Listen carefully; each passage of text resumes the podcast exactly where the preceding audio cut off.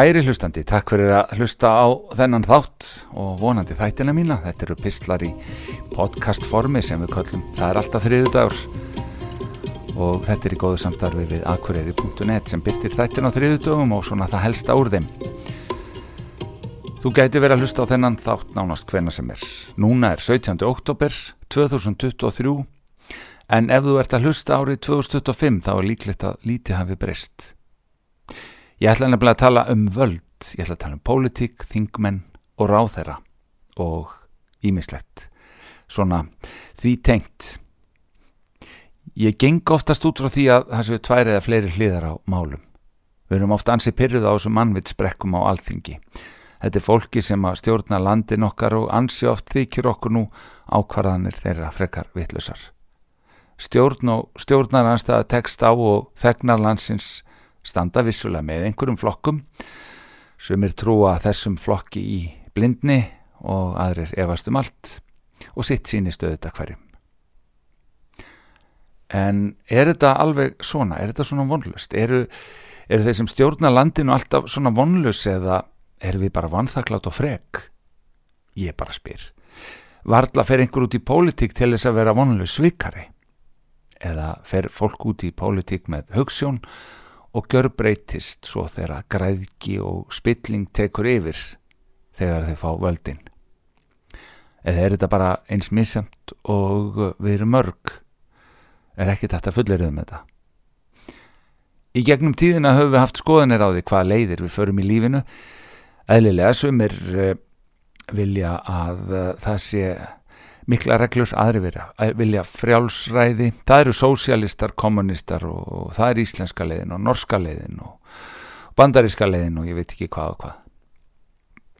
Ég fór aðeins að, að velta þessu fyrir mér og fletta upp í Google vinn okkar og skoða þetta aðeins betur og þá fann ég ansi skemmtilegar útskýringar á þessu og meðal þess sem að var þar er þetta hér.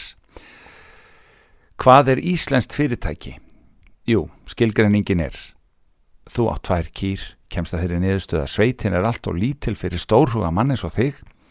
Þú ferð að sel, selja mjölk erlendis, kaupir beljur út um allan heim gegn veði í framtíðarverði mjölkur nýtja gengur mjög vel þar til ljóskemur og sveitafélagi getur ekki rekta náðu mikið gras til að standa á bakvið þínar skuldbindingar Sveitafélagið kemur og tekur yfir búskapin, selur allar bellirnar í nautahakk. Þú og sveitafélagið verða gjaldróta.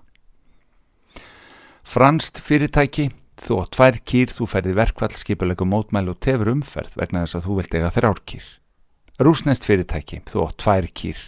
Þú telur þær og kemst að því að þú átt fimm kýr. Þú telur þær aftur og kemst að því að þú átt fjörtjú og tvær kýr.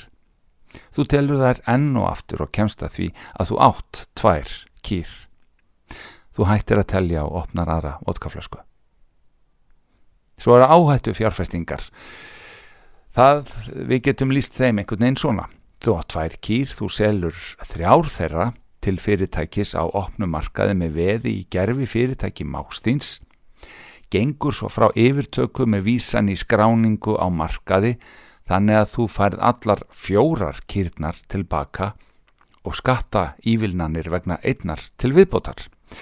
Afurðarétturinn af kúnum 6 er færður yfir á fyrirtæki í Karabíahafinu en leinilegur meiri hluta eigandi þess selur þér aftur réttin af öllum sjö kúnum.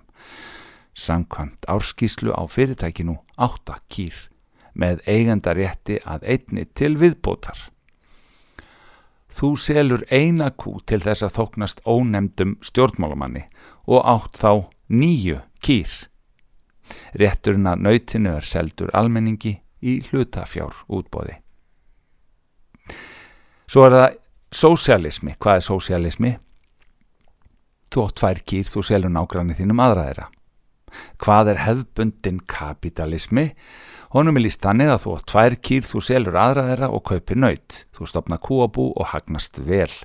Þú hagnast vel, selur kúabúið og sest í helgan stein. Uh, skýringin á kommunisma. Þú átt tvær kýr, ríkið tekur þær báðar og gefur þér mjölk. Fasismi, þú átt tvær kýr, ríki tekur þar báðar og selur þér mjölk. Nasismi, þú átt tvær kýr, ríki tekur þar báðar og skýtur þið svo. Skrifræði, þú átt tvær kýr, ríki tekur þar báðar, skýtur aðraðra mjölkar hina og hellir svo allir mjölkinni. Svo er það súrealismi, þú átt tvo kýrjafa, ríki krefst þess að þú farir í harmonikunám. Þetta fann ég sem sagt á internetinu og er búið líka þar mjög lengi. Eh, mér finnst þetta, ég hafði nú á, ákvað að hafa þetta í þættinu vegna sem ég finnst þetta, finnst þetta fyndið. En það sem er fyndnast í þessu öllu saman er að þrátt fyrir hversu uh, uh, absúrt þetta er að köflum, þá finnst mér svo mikið til í þessu. Uh, það er svona margt í mörgu og það er svo misend hvernig við sjáum samfélagið en ég held að við getum mörg verið sammálum að þetta kannust við flest við en hvað getum við tekið út úr þessum ángaveltum um stjórnunarhætti, pólitík og samfélag ég veit það ekki ég er ekki með svarið en ég velti fyrir mér uh, hvað myndi gerast ef við myndum alltaf láta allt sem við gerum vera gert með okkar bestu samvisku ekki haðgræða sannleikanum og vera jákvæði og trúa á það góða. Uh, já, ég veit, ég er sennilega barnalegur að halda þessu fram. En dagarnir eru misjafnir suma dagana, þá hugsa ég að heimurinn er nú betri en við höldum. Aðra dagana, þá missum aður trúna á mannkynnið. Þið kannist örgla við þetta. En jákvæðinni, hún skiptir okkur máli og það vex sem við vökfum, er það ekki? og kannski getur bara það að trúa á hitt góða gert samfélagi okkar betra. Ég legg ekki meira á okkur þessa vikuna, ég skil þig eftir kæri hlustandi með þessar vangaveltur og segi eins og vanalega Guð veri með þér.